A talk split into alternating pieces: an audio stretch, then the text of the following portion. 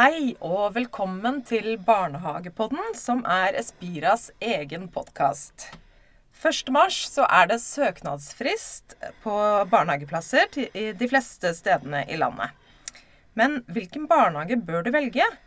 Bør du satse på en som er nærmest? Bør du satse på en stor eller en liten, eller kanskje en med en spesiell profil?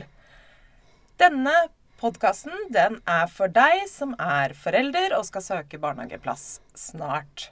Men også for alle andre som er opptatt av barnehage. Jeg heter Mari Fagerheim, og jeg er fag- og utviklingssjef i Espira. Og med meg i dag så har jeg to som har jobbet eh, med barnehage og kan og vet mye om det. Jeg har med meg Katrine Eiken. Du er pedagog eh, og har jobbet i barnehage. Eh, men nå jobber du hos Fylkesmannen i Oslo og Viken med barnehage. Eller det vil si, akkurat nå så er du jo faktisk hjemme med den lille jenta di i permisjon, stemmer ikke det? Jo, det stemmer. Velkommen til deg. Tusen takk. Og så har jeg med meg Astrid Torbjørnsen. Og du har jobbet i barnehage som pedagog og mye med de yngste. Eh, og så nå er du styrer i Espira Tjøsvoll barnehage i Karmøy. Velkommen til deg. Takk for det.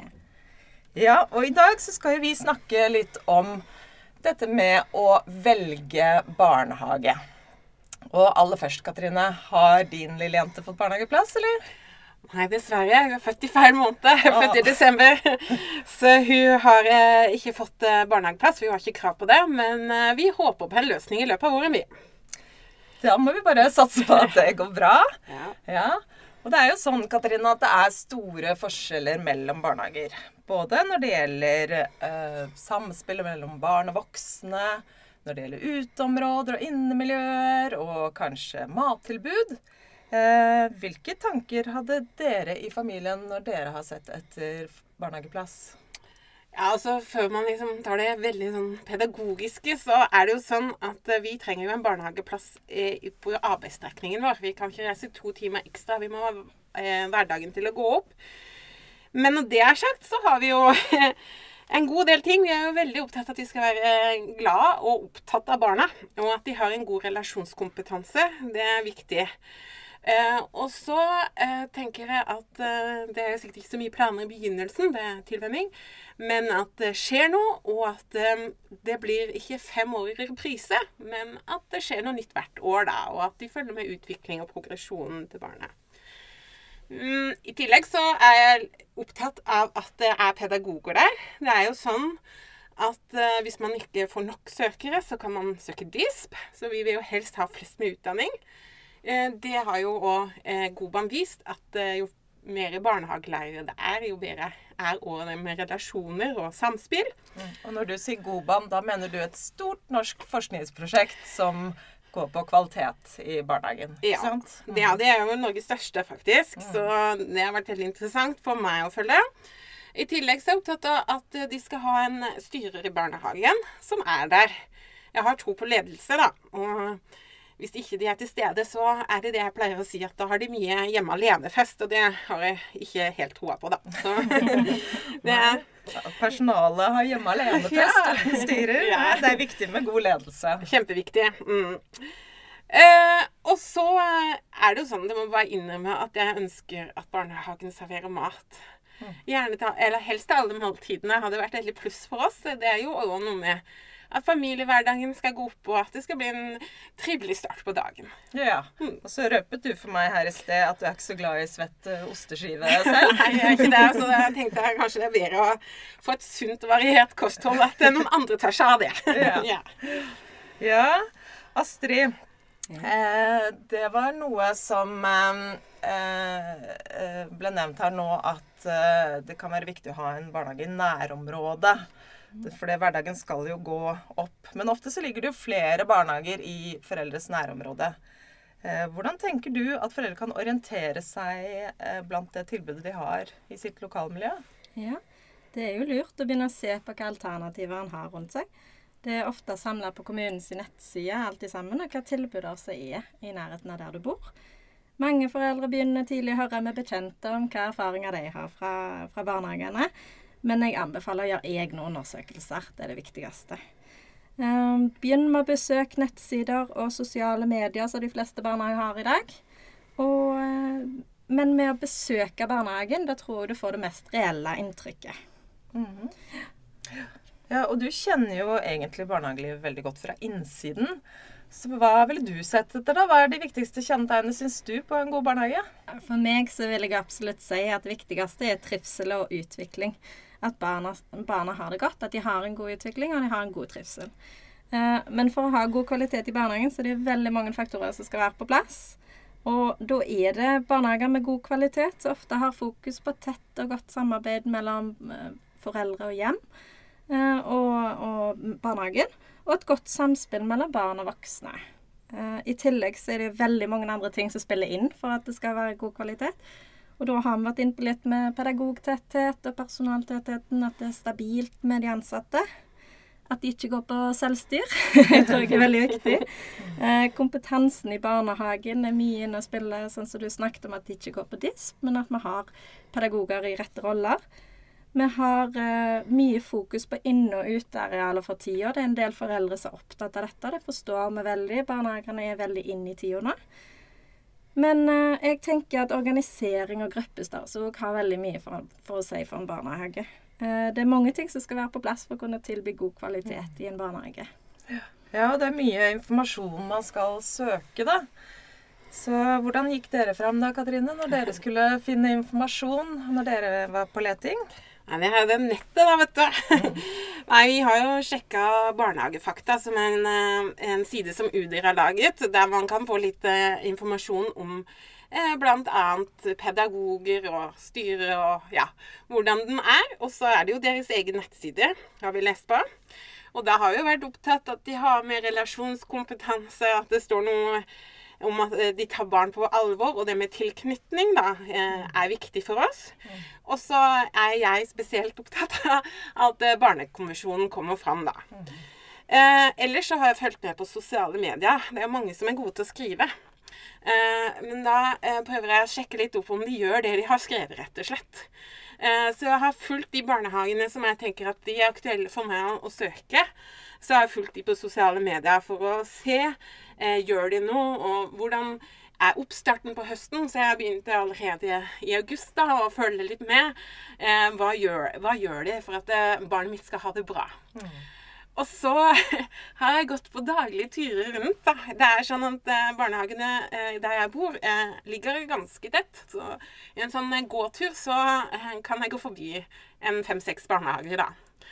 Og da har jeg sett om eh, de er opptatt av barna, rett og slett. Om de leker med barna, om de er sammen med barna. Eh, hvis det er noen jeg hører seg gråter, om de får trøst, rett og slett. Um, og så tenker jeg at det er urettferdig å gjøre det én gang, så jeg har gått sånn jevnlig og på litt ulike tidspunkt, fordi da får jeg et eh, innblikk i det, og det, det sier utrolig mye, faktisk. Og det å begynne i barnehage, Katrine, det medfører jo en stor endring i barnets liv, selvfølgelig. Men det er jo også en stor endring for foreldre. Mm. Så hvordan har dere forberedt dere for barnehagestart? Uh, jeg har tenkt at det har vært viktig å gå på litt sånn organiserte aktiviteter. Så at barnet mitt skal bli vant til å være sammen med andre voksne og andre barn. Og litt det der med å få noen faste former da, som man må forholde seg til. Så vi har vært på babysang og babysvømming og litt i åpen barnehage. Vi har farta litt rundt, da. Eh, men det har vært eh, bra for oss, og det, det tenker jeg er òg en god forberedelse på det, det, som kommer. At det handler jo eh, veldig mye nå om meg og mitt barn. Mm. Men det må òg handle litt om den verden utenfor, da. Ja.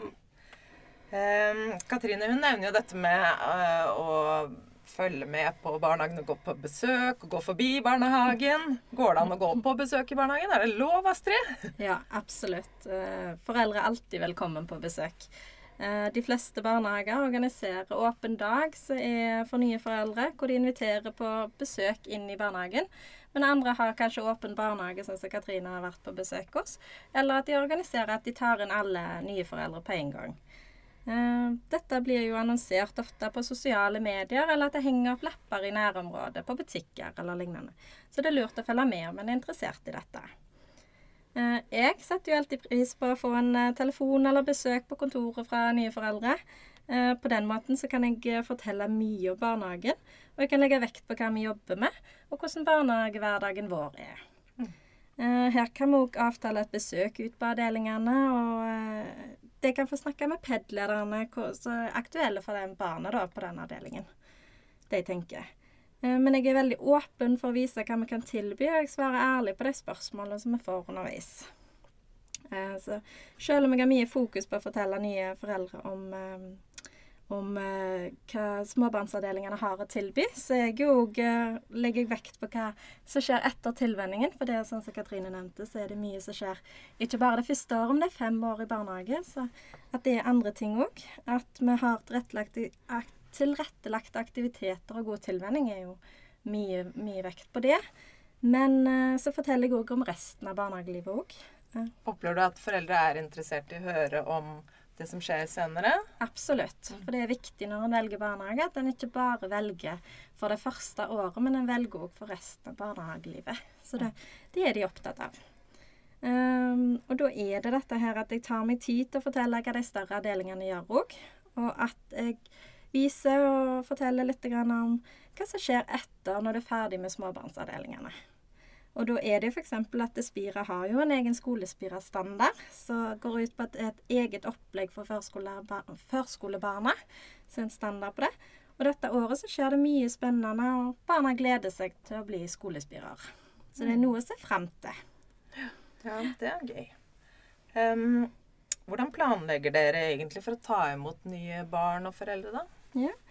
Hos oss så legger vi ut mye på Facebook. Vi bruker den portalen mye. Og dette er for å skape en interesse rundt barnehagen, men vi ser at lokalsamfunnet legger merke til det òg. Vi legger ut en del informasjon om opptak og besøk og kontaktinformasjon, så det er lett å, at vi er tilgjengelige. Og så prøver vi å være synlige da, i nærområdet. At vi går tur på butikker og deler ut boller. Og, og at vi blir en naturlig en naturlig del av det, og at eh, foreldrene finner oss der, de, der, der vi er. Mm. Ja, og så får dere besøk av foreldre, som du sa, så er du åpen for det. Hva er det vanligste foreldre spør om egentlig når de kommer eh, og snakker med deg? Eh, Når vi får besøk av nye foreldre, så legger vi veldig til rette for dette. For meg så er det viktig å ta én til én, sånn at de blir sett og blir hørt, og at de tør å stille vanskelige spørsmål. Vi setter av tid til at de skal få snakke med erfarne PED-ledere, og at de tar seg tid til å svare på spørsmål, når, selv om barnet er med på, på besøket. Eh, Her er vi òg opptatt av å skape gode relasjoner, og at de får mulighet til, å svare, få svar på de spørsmålene de har. Hva er de vanligste spørsmålene de har, da? Nei, hvis vi har sånne foreldre som Katrine her, som er opptatt av eh, Barnekonvensjonen og, og mattilbudet, så er jo dette vanlige spørsmål òg. Men, men eh, det er alle forskjellige, og alle får svar på det de lurer på. Så bra. Kan jeg spørre om en ting? Ja. Du sier at du alltid De kan snakke med pedagoger. Får de snakke med assistenten dine? ja, selvfølgelig. I løpet av eh, besøket så kommer det jo ofte ansatte inn og hilser på barna. Og, og da får du jo muligheten til å snakke med de ansatte som jobber der. Men uh, om det er eget ønske å snakke med assistent, så skal de selvfølgelig få lov til det. Og hvorfor spør de om det, da? Nei, jeg tenker det er ulike eh, faggrupper i en barnehage. Så jeg tenker at det er viktig eh, at eh, man får høre assistentene sine stemme òg. De er mye sammen med barna, de òg. Så det er greit. Da får man liksom et inntrykk om det de har skrevet, det stemmer for alle. Eller bare for ledergruppa. Mm. Lurt tips fra Katrine. Ja, og så da når Når nye foreldre har søkt. Ja, hva skjer da? Da, det, da skjer det en del før oppstart. Eh, vi begynner med å invitere på et nytt besøk for barna. Hvor eh, lekemiljøet blir satt opp, og barna får utforske alene på avdelingen sammen med PED-leder eller da assistent og foresatte. Eh, og at de får lov til å, å snakke sammen og få gode relasjoner. Eh, Og her får også foresatte med seg den informasjonen de trenger om oppstarten, og det er en god start på tilvenningen. Når det nærmer seg oppstart, så blir alle foreldre invitert på et oppstartsmøte for nye foreldre. Og her får de informasjon om avdelingene for å møte resten av de ansatte som skal være på avdelingen med barnet. Opp med, eh, dette er jo selvfølgelig helt frivillig, men vi opplever at det er høyt oppmøte, og at vi får gode tilbakemeldinger på dette. Det høres ut som dere har en veldig solid plan for å ta imot nye barn og foreldre, Astrid. Um, og jeg syns det som dere begge forteller, det vitner jo om at både barnehageansatte og foreldre har et felles mål, og det er jo at barnet skal få en best mulig oppstart. Eh, også dette med at foreldre kommer på besøk og søker informasjon, og at barnehageansatte eh, deler informasjon og eh, gir barnet mulighet til å bli kjent på um, avdelingen sin. Eh, det blir jo starten på det gode foreldresamarbeidet som skal prege hele den lange barnehagetiden. Så det er viktig. Helt til slutt, eh, Katrine. Hvis du skulle gitt noen råd til eh, småbarnsforeldre som driver og orienterer seg om barnehager, hva ville de rådene vært? Eh, besøke barnehage først og fremst. Eh, men jeg ville òg lest meg litt opp. Eh, for det er veldig vanskelig å spørre hvis man ikke har peiling. Men eh, hvis man har lest litt om barnehagen, eh, på de tinga som vi har nevnt nå, eh, så er det lettere å spørre. Eh, og, og, da får man òg rede på om eh, det de har skrevet, og det de gjør i praksis, eh, stemmer overens. da. Og så vil jeg gjerne ha snakka med kanskje mer enn én ansatt, da. for å få liksom bredden i det. Ja. Gode råd. Hva med deg, Astrid? Har du noe råd, eller? Ja, ikke vær redd for å ta kontakt. Barnehagen ønsker dere og vil gjerne sette tid til spørsmål og, og besøk. Mm. Gode råd fra dere to der, altså. Eh, og oppsummert så syns jeg at vi kan si at eh, både du som foreldre, Katrine, og du som pedagog, Astrid, eh, dere snakker om dette med at det er viktig å forberede barnehagestart. Både å forberede valg av barnehage, men også det å forberede oppstarten og valget først er gjort. Hmm. Eh, og da kan jeg også tipse om at eh, i Barnehagepodden så har vi også en episode om tilvenningstiden i barnehagen. Som kan være kjempefin å høre når man har tatt et valg om barnehageplass og lurer litt på hva som skjer den første tiden. Da er vi ved veis ende i denne episoden av Barnehagepodden. Og da må jeg bare takke for at du hørte på Barnehagepodden. Og så må jeg takke gjestene mine, Katrine og Astrid. Og så må jeg si tusen takk for meg.